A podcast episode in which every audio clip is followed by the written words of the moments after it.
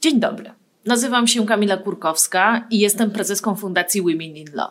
Witam Państwa bardzo serdecznie w podcaście Prawo do Głosu. Do rozmów zapraszam głównie prawniczki, choć nie tylko. Podcast Prawo do Głosu to rozmowy o kobietach, różnorodności, o innowacjach, ale też o tym, jak zmienia się i co jest ważne w branży prawniczej.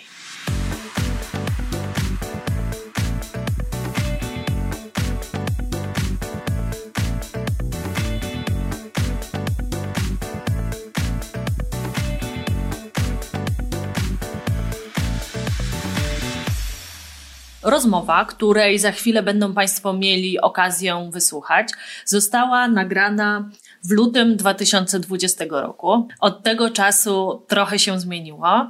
Mianowicie pani profesor Całkiewicz została dziekanem Okręgowej Izby Radców Prawnych w Warszawie.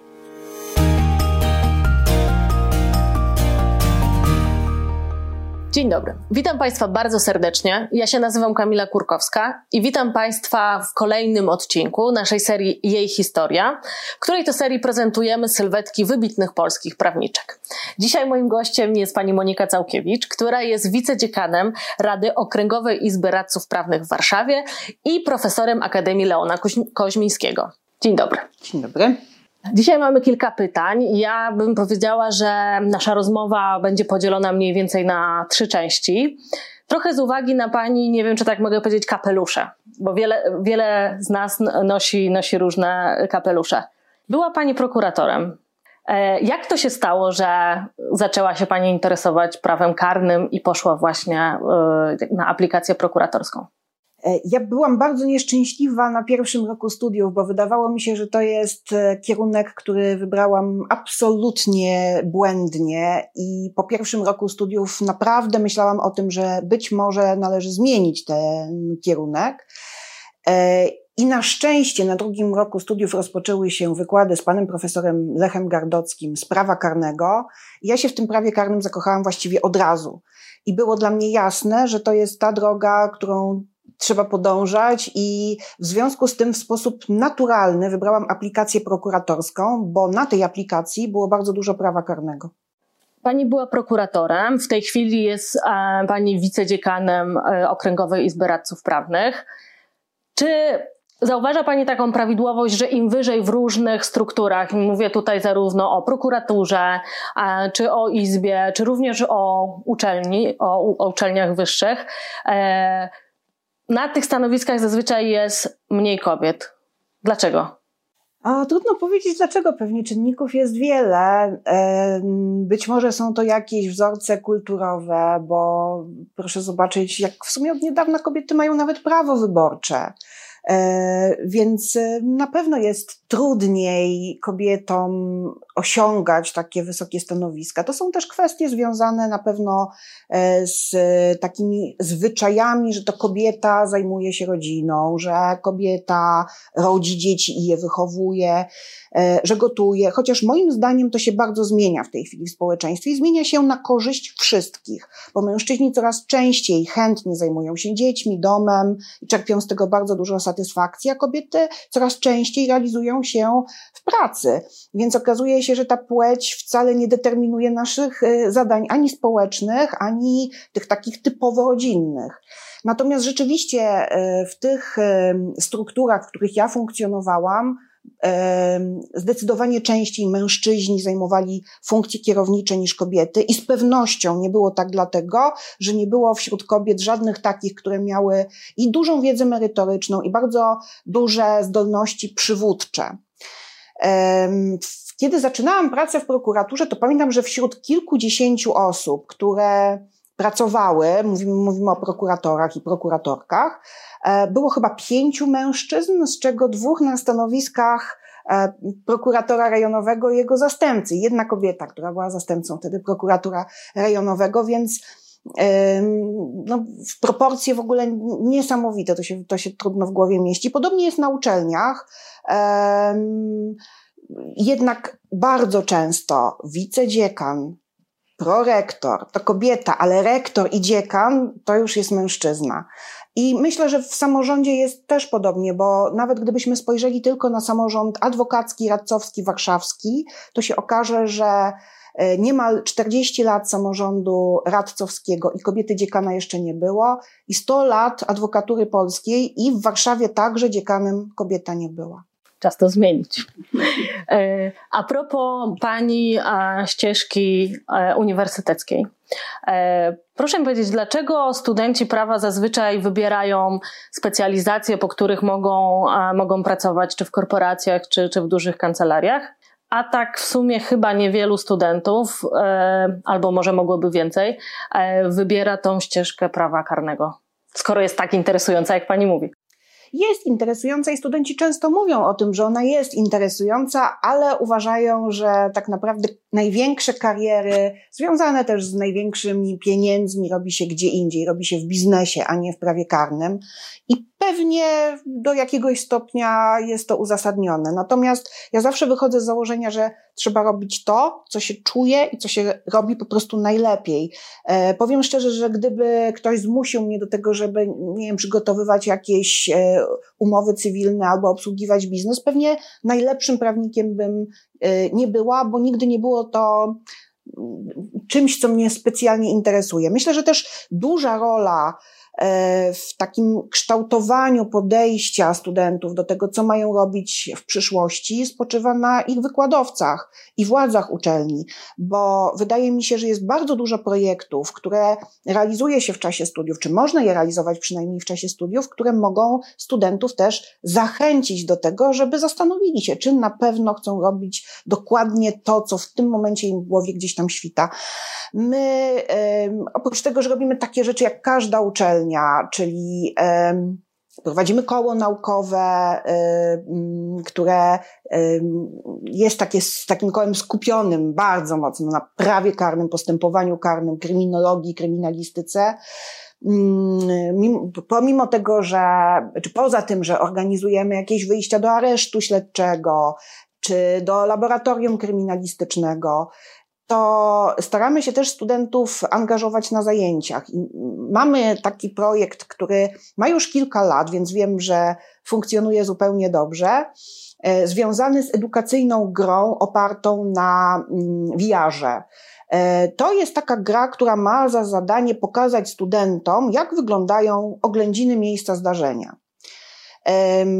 Dosyć czasochłonny projekt, zajął nam sporo czasu. Mamy w tej chwili siedem scenariuszy. W skrócie mówiąc, student zakłada gogle i w tym momencie zostaje przeniesiony na jakieś miejsce. Mamy na przykład melinę. E, pozostała część grupy obserwuje to, co się dzieje, to, co student widzi na ekranie monitora, w związku z tym, e, tak naprawdę mamy pewną interaktywność między studentami. Ci studenci, którzy obserwują, podpowiadają temu, który na tym miejscu się wirtualnym znajduje, co ma robić. A zadanie studenta to jest zabezpieczanie śladów, to jest czynienie pewnych obserwacji, Samo zabezpieczanie śladów to też jeszcze za mało powiedziane. Student musi to zrobić w odpowiedni sposób, bo ma tam taką wirtualną walizkę oględzinową. E, musi to zrobić w odpowiedniej kolejności. No i właśnie, i cała grupa razem musi wyciągać wnioski z tego, co zostało zabezpieczone, ustalone.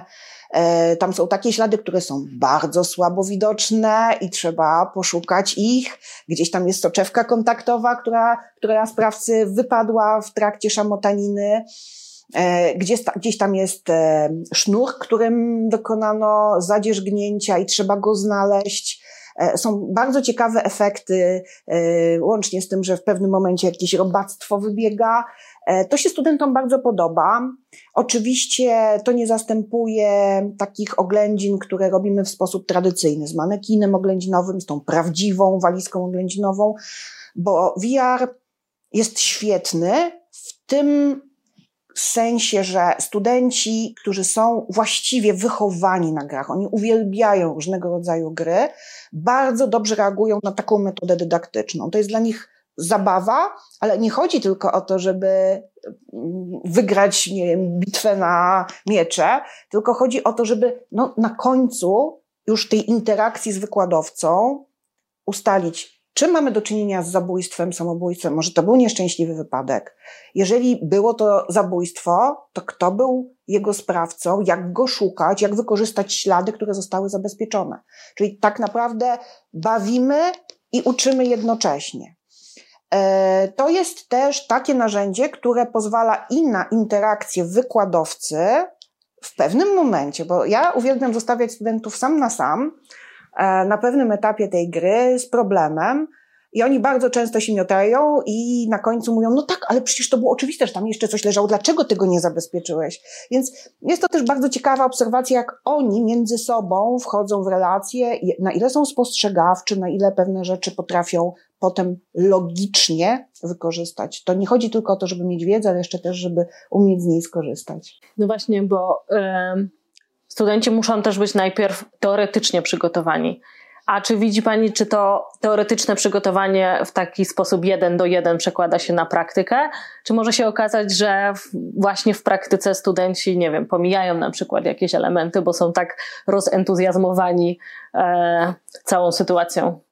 E, jeszcze chyba nie było takiej grupy, która by nie zrobiła żadnego błędu. Są takie grupy, które robią bardzo drobne błędy i mm, na końcu, można powiedzieć, e, są w stanie wykorzystać te materiały, które zgromadzili w sposób prawidłowy, ustalając, co się wydarzyło i ewentualnie kto był sprawcą przestępstwa.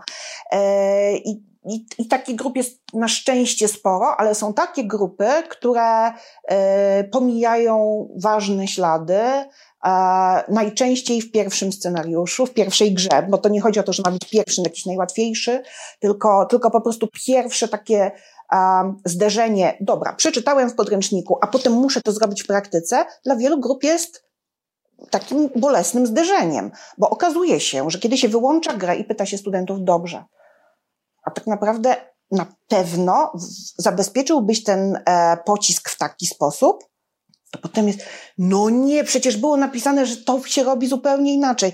Chodzi o to, że często przy takim zwykłym podaniu teorii e, student jest w stanie nam bardzo ładnie odpowiedzieć na teoretycznie zadane pytanie.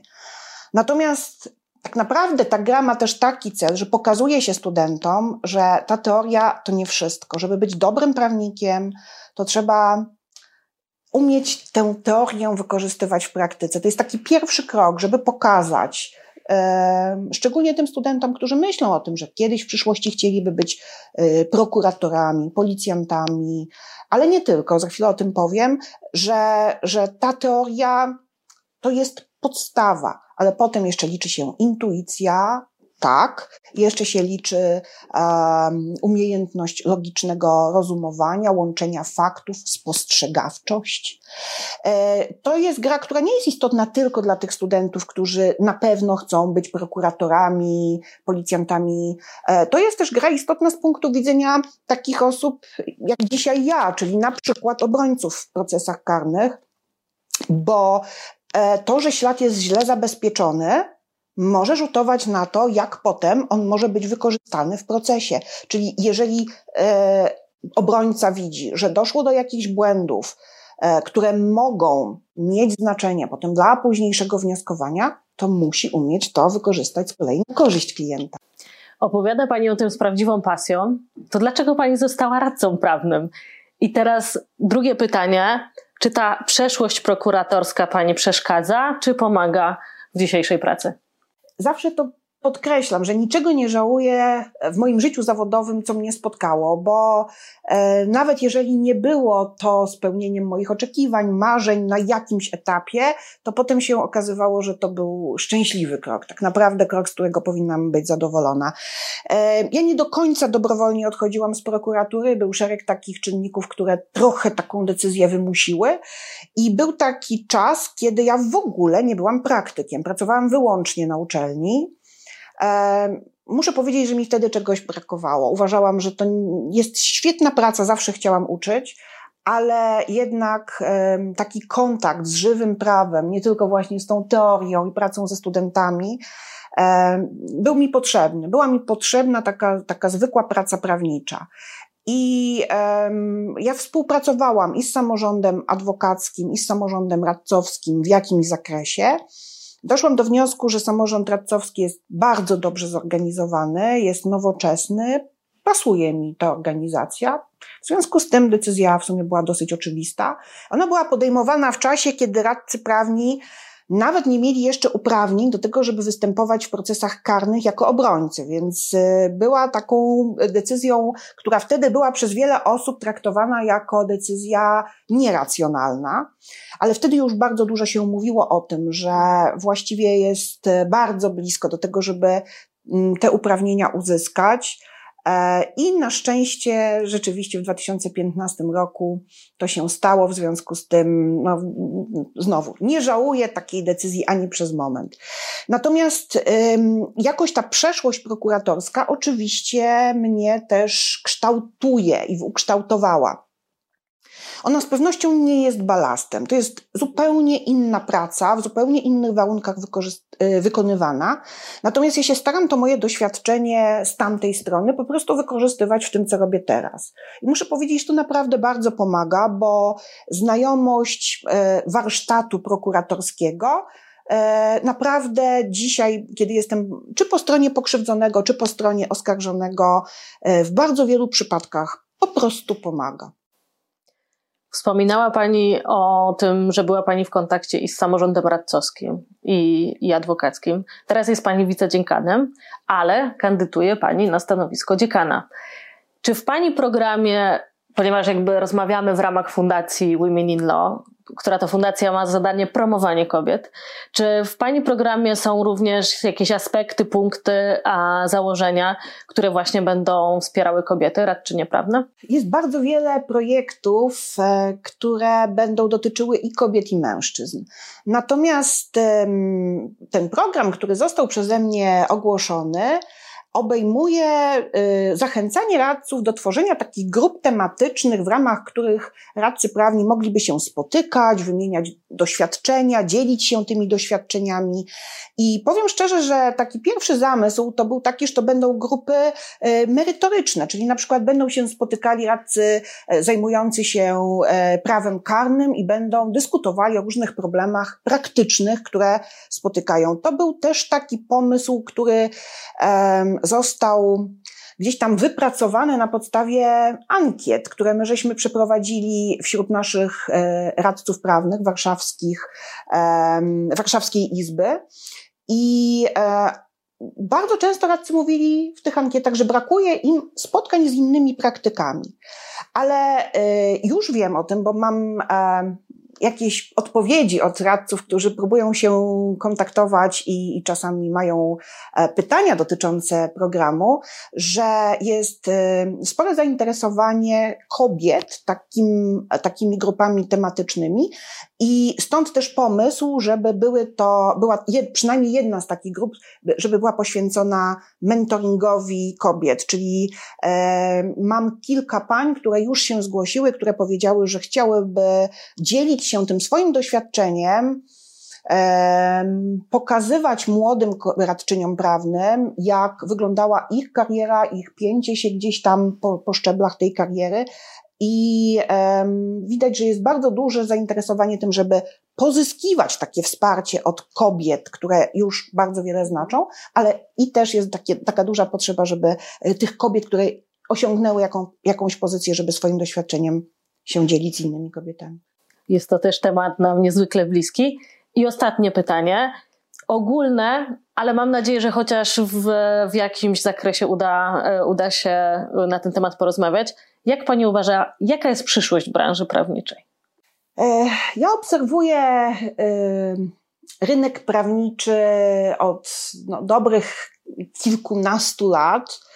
E, on się trochę zmienia. Wydaje mi się, że coraz większe znaczenie jednak będą odgrywały nowe technologie, bo widać już, że bez tych narzędzi, różnego rodzaju narzędzi, e, jest nam coraz trudniej funkcjonować. Kiedy przypominam sobie swoje studia, to e, wstyd się przyznać, to było mm, już ponad 20 lat temu, my żeśmy nie mieli dostępu do Lexa. Nie było czegoś takiego jak Lex. W związku z tym pamiętam dzienniki ustaw, które były ciągle kserowane. W kodeksach papierowych żeśmy sobie robili wklejki i to była taka aktualizacja kodeksu. E, no dzisiaj nie wyobrażamy sobie życia bez jakichś systemów informacji prawnej. Przecież korzystamy z nich na co dzień. One bardzo mocno ułatwiają pracę, ale to jest tylko jeden z przykładów tych narzędzi, różnego rodzaju narzędzi informatycznych, które ułatwiają pracę prawników, więc myślę, że duża rola tutaj nasza, żeby umieć z tego skorzystać, choć jak czytam czasami różne wypowiedzi, że za chwilę sztuczna inteligencja zastąpi prawników i prawnicy w ogóle nie będą potrzebni, to myślę, że to jeszcze jest tak daleka przyszłość, że ja już tego nie dożyję. Albo niemożliwa. Albo niemożliwa. Dziękuję bardzo za rozmowę. Dziękuję bardzo. Wysłuchałaś podcastu zrealizowanego przez studio We Need More. Pomagamy Ci opowiedzieć Twoją historię, przekazać wiedzę i zapalić do sprawy, o którą walczysz.